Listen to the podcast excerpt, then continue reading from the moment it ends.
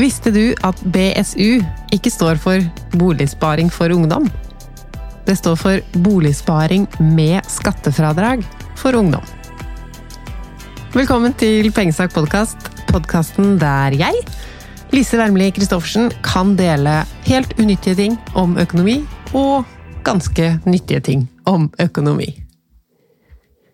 Nå er reglene for BSU endra. Ikke akkurat nå, det er en liten stund siden, men jeg har ikke snakket om det.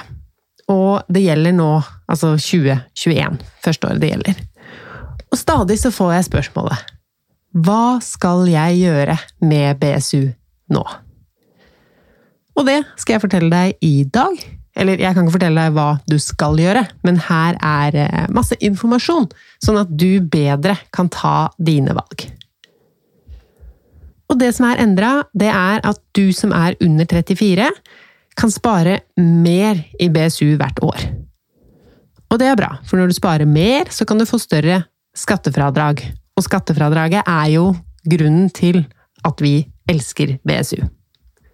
Nå har ikke jeg hatt BSU på snart ti år, er det vel, men samme det. Skattefradraget er 20% av det du putter inn. Altså det du putter inn i ett år, får du skattefradrag på. Og sparer du 25 000 i BSU, det var maksgrensa per år i fjor, da får du fradrag på 5000 kroner på skatten, fordi 5000 er 20 av 25 000. Sparer du 27 500, som er maks nå, så er det 5500 kroner back on the scat. Du kan totalt spare 300 000 kroner i BSU i løpet av livet ditt. Eller fra du er født til du er det året du har blitt 34. Og det er ikke noe nytt, den totaltgrensa på 300 000.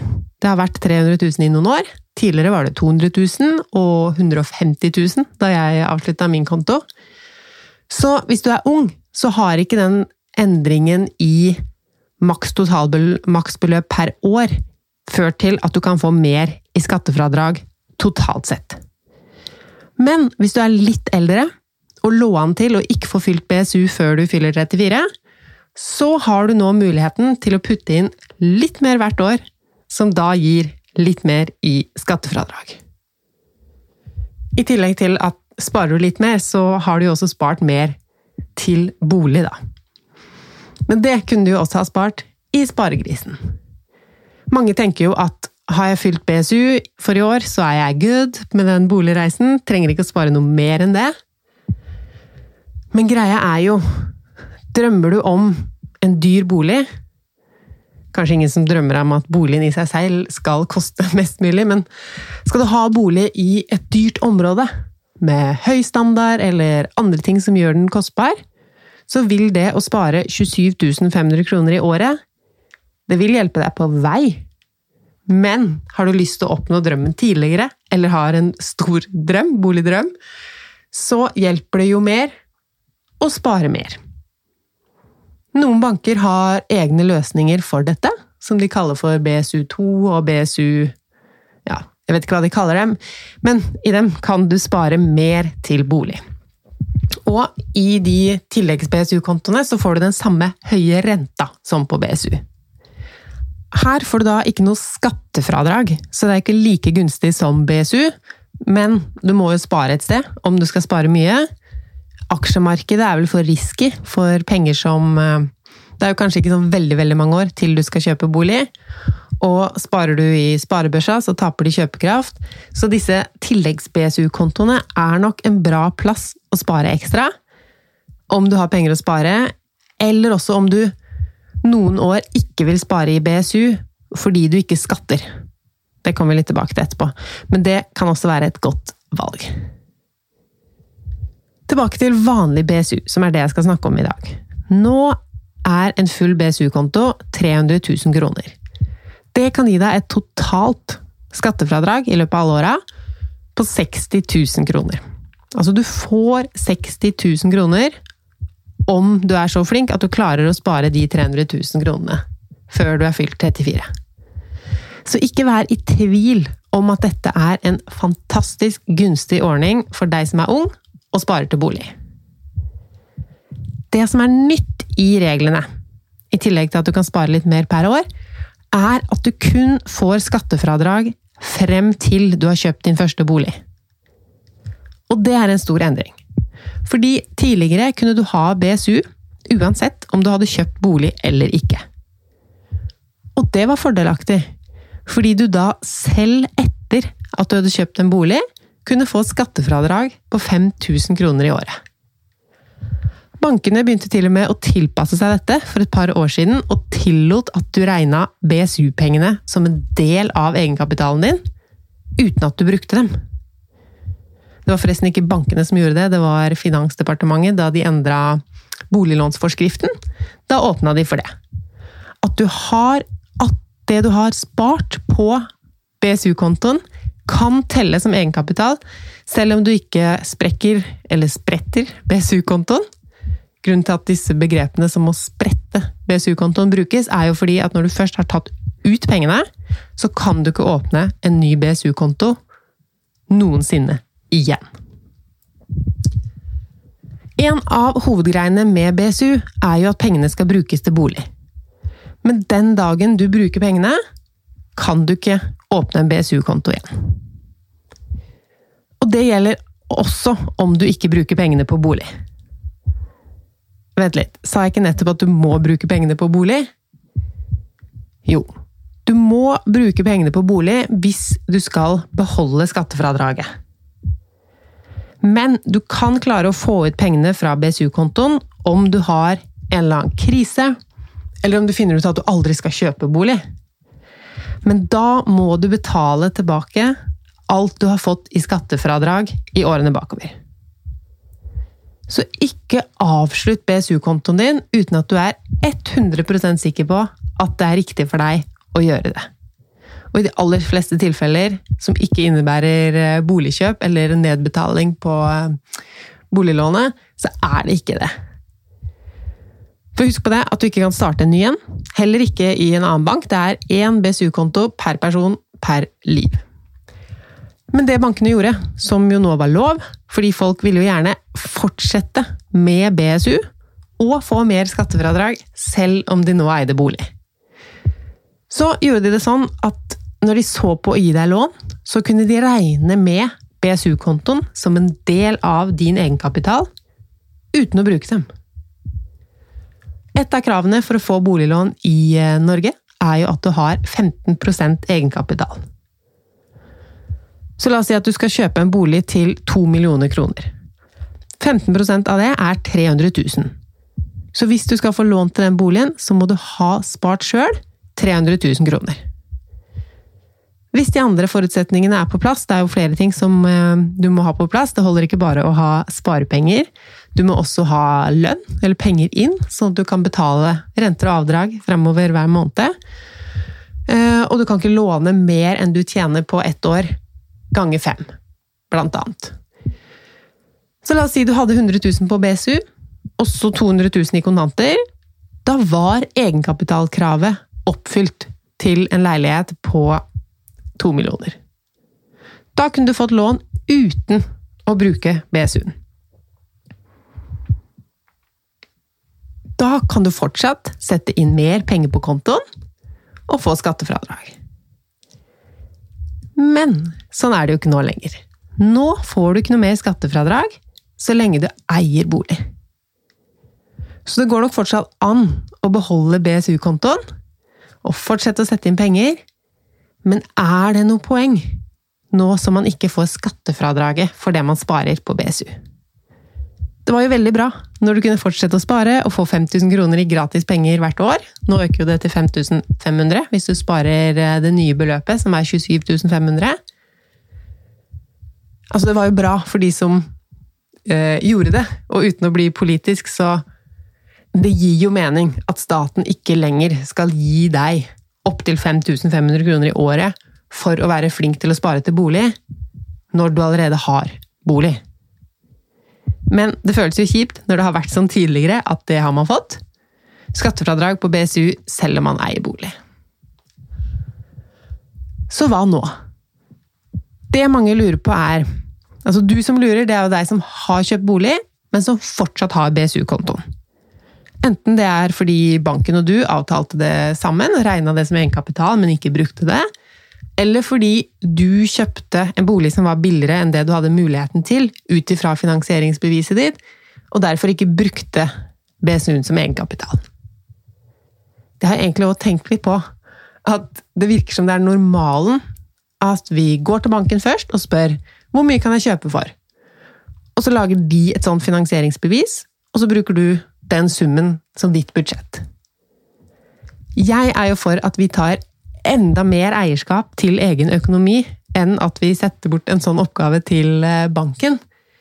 Jeg vil at du først skal se på det selv. Fordi banken må jo være med på det, de skal lage et finansieringsbevis til deg, men jeg vil at du først skal tenke ut selv hvor dyr bolig er det du vil ha? Hvor mye penger har du lyst til å bruke på bolig? Sånn totalt, og også hver måned. Hvor mye vil du betale i boliglån hver måned? Kanskje er det langt mindre enn banken sier at du kan låne? Eller kanskje er det litt mer? Hvis det er mer, så går det faktisk an å snakke med banken òg og si at Se her, her er det jeg vil kjøpe for. Jeg ser at det ikke er helt innafor krava, men her kan du se hva jeg tidligere har klart å betjene på min eh, lønn. Her er kanskje noen ekstrainntekter. Her er sparepengene som jeg kan bruke som egenkapital. Her er mitt budsjett, og hvis du ser på brukskontoen min det siste året, så ser du at det er et budsjett jeg forholder meg til. Ehm, du ser også hvor mye jeg legger til side hver måned til sparing. Eh, om du skal leie ut et rom, f.eks. Du kan snakke med banken for og se om dere kan bli enige om et annet beløp enn det de har eh, først sagt. Du kan også snakke med flere banker enn banken du bruker i dag, om du mener det at du skal få innvilga et høyere lån enn det de vil gi deg. Hvis du har regna på det, kan dokumentere at du klarer det. Men først og fremst så tenker jeg andre veien. At det er ikke sikkert at det er riktig for deg å makse. Altså å kjøpe så dyr bolig som overhodet er mulig for deg. Å få et så høyt lån, og da ikke ha noe annet valg i hverdagen enn å prioritere å bruke masse penger på bolig hvert år. Hver måned. Hvis man ser bakover i tid, de siste 30 årene, eller, så har bolig vært en sånn kjempeinvestering. Det har nesten vært dumt å ikke makse, med tanke på at penger investert i bolig har vokst så veldig. Og den dagen du skal flytte, så har jo det vært bra. Fordi dit du skal flytte til, har jo også blitt dyrere. Og det har jo ført til at folk føler de må forte seg veldig inn på boligmarkedet, fordi hvis ikke så går det jo fra dem, rett og slett. Og det at alle vil eie egen bolig så tidlig som mulig i livet, skaper jo igjen et prispress. Ja, jeg skal snakke om BSU, så la meg gå tilbake til det. Til deg som allerede har bolig og har BSU-kontoen, som ikke er da sprukket. Skal du nå bruke BSU-en til å nedbetale boliglånet, eller skal du la pengene stå på BSU? Eventuelt skal du putte mer inn. Mange spørsmål der. Jeg har ikke din fasit, men jeg kan si noen ting å vurdere. Det beste med BSU er jo, som jeg har sagt, skattefradraget. Det kan vi alle være enige om. 20% skattefradrag på det du sparer. Superbra. Men en annen bra ting med BSU er høy rente. Akkurat nå så er det på BSU-kontoer Det er litt forskjellig i ulike banker, men mange BSU-kontoer har en rente på rett over 3% Så sammenligna med en sparekonto, der beste rente nå er 1% mange er langt lavere enn det, så er jo BSU-kontoen Da har den en kjemperente. Men så er det jo ikke sånn at det er sparekonto det er relevant å sammenligne med for deg som har en BSU-konto og en bolig med boliglån du vurderer å bruke BSU-kontoen til å betale ned på boliglånet. Da må vi jo sammenligne med boliglånsrenta. Altså renta du låner penger til, mot renta du sparer penger på. Så det er jo en ganske rett fram øvelse. Se på hva renta er på din BSU-konto. Se på hva renta er på boliglånet ditt. Jeg ville Nå får jeg ikke tatt med meg alle variasjoner som gjelder for alle her, men jeg ville, når jeg ser på økonomien, hva lønner seg mest? Det lønner seg mest å beholde BSU dersom renta på BSU er høyere enn renta på lånet ditt. Og det er den for veldig mange akkurat nå. Og hvorfor det er sånn? Jo, hvis Boliglånsrenta di er 2% nå. Da betaler du 2000 kroner i året for å låne 100 000 kroner. Hvis du har en BSU med 3% rente, så får du 3000 kroner i året om du har 100 000 kroner stående der. Altså 3000 kroner og 2000 kroner. Forskjellen er 1000 kroner. Du tjener 1000 kroner på å beholde BSU, kontra å bruke BSU-pengene på å nedbetale på boliglånet. Men så må du følge med. Om boliglånsrenta blir høyere enn BSU-renta, så ville jeg, om jeg hadde hatt BSU, brukt den til å nedbetale lånet mitt. For la oss si at BSU-kontoen er fortsatt 3% og boliglånsrenta blir 3,2% Da får du 3000 i rentekroner fra BSU per 100 000 du har der, men du betaler 3200 kroner for å låne 100 000 kroner fra banken. Og da gir det jo ikke noe mer mening å ha penger på BSU-kontoen. Det blir 400 kroner i tap hvert år hvis du har 200 000 på BSU, da, eksempel. Men så lenge det er den andre veien, så tjener du på å beholde. Men så kommer spørsmål to. Hva med å putte inn mer? Etter at du har kjøpt bolig nå, så får du ikke lenger skattefradrag. Så det, det skattefradraget på 5500 kroner kan du da se bort ifra etter at du eier egen bolig. Hvis du ikke eier egen bolig, så er det jo en no-brainer å spare i BSU til bolig. Hvis du ikke sparer maksbeløpet på 27 500, det kan jo være mye for noen eh, som er unge eller som har lav lønn, da får du jo fortsatt 20% skattefradrag. Så det er ikke sånn at det er bortkasta hvis du ikke greier å fylle opp hele den store summen. Beløpet blir bare mindre. Prosent er jo prosent, og hvis du sparer 10 000 kroner på BSU i året, så kan du trekke fra 2000 kroner på skatten. Så for å få skattefradrag, så er jo betingelsen da at du betaler skatt. Noen foreldre tenker at de skal boligspare for barna sine i BSU. Eller du er 15-20 år og tjener litt, men ikke nok til at du skatter, da er det ikke så gunstig å spare i BSU, fordi du bruker opp. Det kan jo hende at den maksgrensa på 300 000 flytter seg igjen, men du bruker opp beløpene år du ikke skatter. Det er veldig dumt. Du burde bare spare i BSU når du skatter, fordi da kan du få skattefradraget. Hele poenget med BSU er jo dette skattefradraget, så ikke spar for tidlig eller til barna i BSU. La de ha de åra igjen, eller de beløpene igjen, til år de skatter, sånn at de kan få skattefradraget. Jeg har ikke noe imot at foreldre boligsparer til barna sine, men jeg ville aldri boligspart til barna mine i BSU. Du må holde styr på den maksgrensa i forhold til maksgrensa per år. Fordi det er jo ikke sikkert at du får benytta deg av alt skattefradraget allikevel.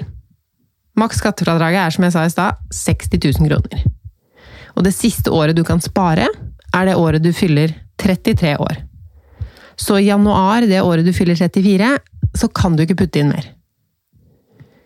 Hvis du begynner BSU-sparinga tidlig, så kan du fylle den opp og få maks skattefradrag uten at du sparer maksbeløpet hvert år. Som jeg sa, det er lurt å ikke bruke opp BSU når du ikke skatter, og dermed ikke få skattefradrag. Men hvis du begynner senere med BSU, kanskje når du er 25, så kan du fylle den med maksbeløpet hvert år, men fortsatt ikke få maks rentefradrag. Så skal du få maks rentefradrag, som er 60 000 kroner totalt, med dagens maksgrenser, både totalt og per år, så må du fra og med det året du fyller 23, makse den grensa. Men mange har jo allerede inntekter, sommerjobber, at de har inntekt som, så mye inntekt at de skatter før de er 23, og kan eh, spare litt da. Og da er det da um, ikke mulig å spare fullt alle de siste åra, for det blir fullt før du fyller 34. Så pass på de grensene. Regn ut i ditt uh, tilfelle, og ut ifra din alder. For dette her gjør jo også at det er én gruppe som kan sette inn i BSU uten å få skattefradrag, men som ikke trenger å passe seg for å putte inn penger de årene de ikke skatter nok til å få skattefradrag. Oi, nå hørtes det komplisert ut. Det var ikke så veldig komplisert, egentlig. Det betyr bare at hvis du først er i en alder Altså du ikke har begynt å spare BSU tidlig, du er nå 27 år, har ikke spart så mye på BSU enda, har fortsatt ikke nok inntekt at du skatter, kanskje du er student, har noen hundrelapper eller tusenlapper du vil spare i BSU, og så har du hørt meg si at det er dumt å spare i BSU de åra du ikke får skattefradrag, så er det ikke det for deg. Fordi du kommer uansett ikke til å komme opp i den makssummen på 300 000 kroner før du fyller 34. Så alle dere som er 22 år eller eldre, du trenger ikke å tenke på om du skatter eller ikke, hvis du ikke har spart noe før det. Vil du spare til bolig, så kan du gjøre det i BSU. Men dere som allerede har bolig, og BSU Dere ser nok at det ikke lønner seg å ta ut de sparte pengene ut av kontoen. Men spørsmål to var jo er det noe poeng i å fortsette å spare der? Mitt favorittsvar igjen, ikke favorittsvaret, da, men et typisk svar, det kommer an på. Det er jo ikke like stort poeng som tidligere, da man første år, hvis vi regner med skattefradraget, får man 23% avkastning på de penga, helt uten risiko. Nå, når du har bolig og ikke får skattefradrag lenger, rundt 3% Da er svaret igjen at du må følge med på renta på BSU mot renta på boliglånet ditt. Og se hva som skjer når du fyller 34. Noen banker har flytta denne grensa til 36, men det er ikke mange igjen av det. Når du fyller 34, vil banken mest sannsynlig si ja, nå er du 34, så vi justerer renta di. Og når de sier justerer renta, så betyr det at den blir som en vanlig sparekontorente. Og den er jo nesten alltid lavere enn boliglånsrenta di. Da kan det være tidspunktet på å slenge BSU-penga inn på boliglånet. Det kan banken eh, hjelpe deg med, det praktiske. Og når du gjør det, legg en plan. Fordi når du betaler en del ned på lånet, så blir lånet billigere per måned. Hvis du f.eks. går fra å betale 8400 kroner i måneden på lånet til 7900, så er det kanskje ikke sånn at du merker det fra måned til måned. Du bruker mindre på lånet, ja, men det gir deg ikke noe uttelling. Du kommer til å ha lånet like lenge.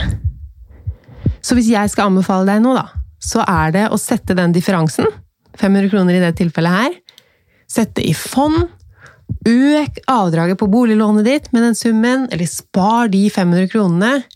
De 500 kronene er et eksempel, altså jeg vet jo ikke hvor stor BSO-kontoen din er, eller eventuelt hvor store avdrag du betaler per måned. Men hvis du betaler samme sum som før, etter du har gjort den innbetalinga av BSU-kontoen på boliglånet, fortsetter du å betale samme sum per måned, så blir du ferdig med lånet før. Og da sparer du også en del rentekroner. Men jeg er redd for at du, om du bare går litt ned på summen du betaler inn hver måned, så går de pengene bare til forbruk. Og da var det jo egentlig ikke så vits å bruke BSU-pengene på lånet ditt allikevel om du ikke har det trangt og trenger mer fleksibilitet i økonomien hver måned, da. For de som er hva kaller man dere? Optimalisatorer. Dere som vil ha maks ut av alt. Så er det jo en mulighet til å bruke BSU-en til å nedbetale boliglånet med BSU-en. Det er jo det eneste du kan bruke BSU-en til. Betale ned boliglånet, eller kjøpe en bolig. Ja, det stemmer ikke helt. Du kan også kjøpe en nødvendig tomt og bygge garasje. Men jo, når du har betalt ned boliglånet, så kan du jo låne opp igjen på boligen. Fordi egenkapitalkravet er jo fortsatt 15% så har du betalt ned en del, og nå betaler du ned enda mer med BSU-en, så er det en mulighet til å låne opp igjen på boligen, og på den måten kunne bruke BSU-pengene til å investere i fond, pusse opp, eller sånne ting. Bare husk å se hva som skjer med lånerenta di. Noen har sånn førstehjemslån, f.eks., som du da ikke lenger beholder fordelene på om du refinansierer. Yes! Nå håper jeg du er eh, nærmere et svar på hva du skal gjøre med din BSU-konto. Er du ung og vil spare til bolig og ikke har en BSU-konto, start sparingen hvis du skatter. Er du litt eldre og ikke har BSU-konto, start sparinga i BSU uansett om du skatter eller ikke. Har du BSU og ikke bolig, spar i vei. Maksgrensa har økt til 27 500 kroner per år, men totalen er fortsatt 300 000 kroner. Og da regner man ikke med renter. Det er 300 000 i innskudd, så det kan stå en del mer på kontoen når du har fulgt den opp over mange år. Hvis du har BSU og bolig, men er under 34, så lønner det seg nok økonomisk å bare la den kontoen stå, eventuelt spare mer det lønner seg jo ikke like mye som før, men fortsatt bedre rente enn sparekonto. Har du både BSU og bolig, men er over 34, da lønner det seg nok ikke å beholde BSU. Sjekk opp rentene, og mest sannsynlig lønner det seg å betale ned boliggjelden med BSU-pengene. Bare husk å lage en plan for nye avdrag. Og hvis de er lavere enn før, altså at løpetiden på lånet ikke blir noe kortere, Lag en plan for at de pengene skal skaffe en avkastning, enten ved å øke avdragene eller investere det i noe annet, eller bruk de pengene smart. Da tror jeg at jeg fikk med meg eh, alt. En av de tingene som motiverer meg til å fortsette å lage Pengesnakk-podkast, er tilbakemeldingene fra dere. Også de dårlige, faktisk. Altså, når jeg først får en negativ kommentar, så er instinktet mitt er jo å tenke sånn Nei, nei, nei, det er ikke sant. Og så prøver jeg å se på den kommentaren eller meldinga en gang til, og spørre meg selv Ok, uansett om det er sant eller ikke, hva kan jeg lære av den? Hvordan kan jeg gjøre Pengesnakk-podkast enda bedre for alle dere som hører på? Så ikke vær redd for å gi meg en tilbakemelding. Hvis jeg får bestemme, så vil jeg gjerne ha det negative på e-post, for da er jeg sikker på at jeg ser det med en gang. Og hvis det beror på en misforståelse eller Ja. Eh, mailen min er lise at pengesnakk.no. Det positive vil jeg jo gjerne at du deler, eh, gjerne med meg også, men også i iTunes-appen, hvis du hører på podkasten gjennom den. Det som er bra med positive reviews i iTunes og på de andre plattformene, er at det gjør podkasten mer synlig for andre. Så hvis du liker Pengesnakk-podkast og vil at flere skal finne den, så elsker jeg sånne fem stjerners tilbakemeldinger og fine ord. Skal lese opp to stykker som avslutning her i dag. Hurra for en super podkast! Lise er utrolig flink til å lære bort om privatøkonomi og tankesett.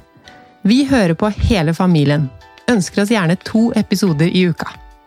Enig i at episodene du har alene, er best inspirerende og nyttig podkast. Elsker Pengesnakk-podden. Endelig er Lise tilbake igjen med nye episoder med masse gode råd og inspirasjon. Har lært masse av å høre på podden. Følger Pengesnakk på Instagram og Facebook. Anbefales på det sterkeste. Tusen takk, dere snille! Jeg ønsker dere alle en god uke, og så høres vi igjen neste mandag.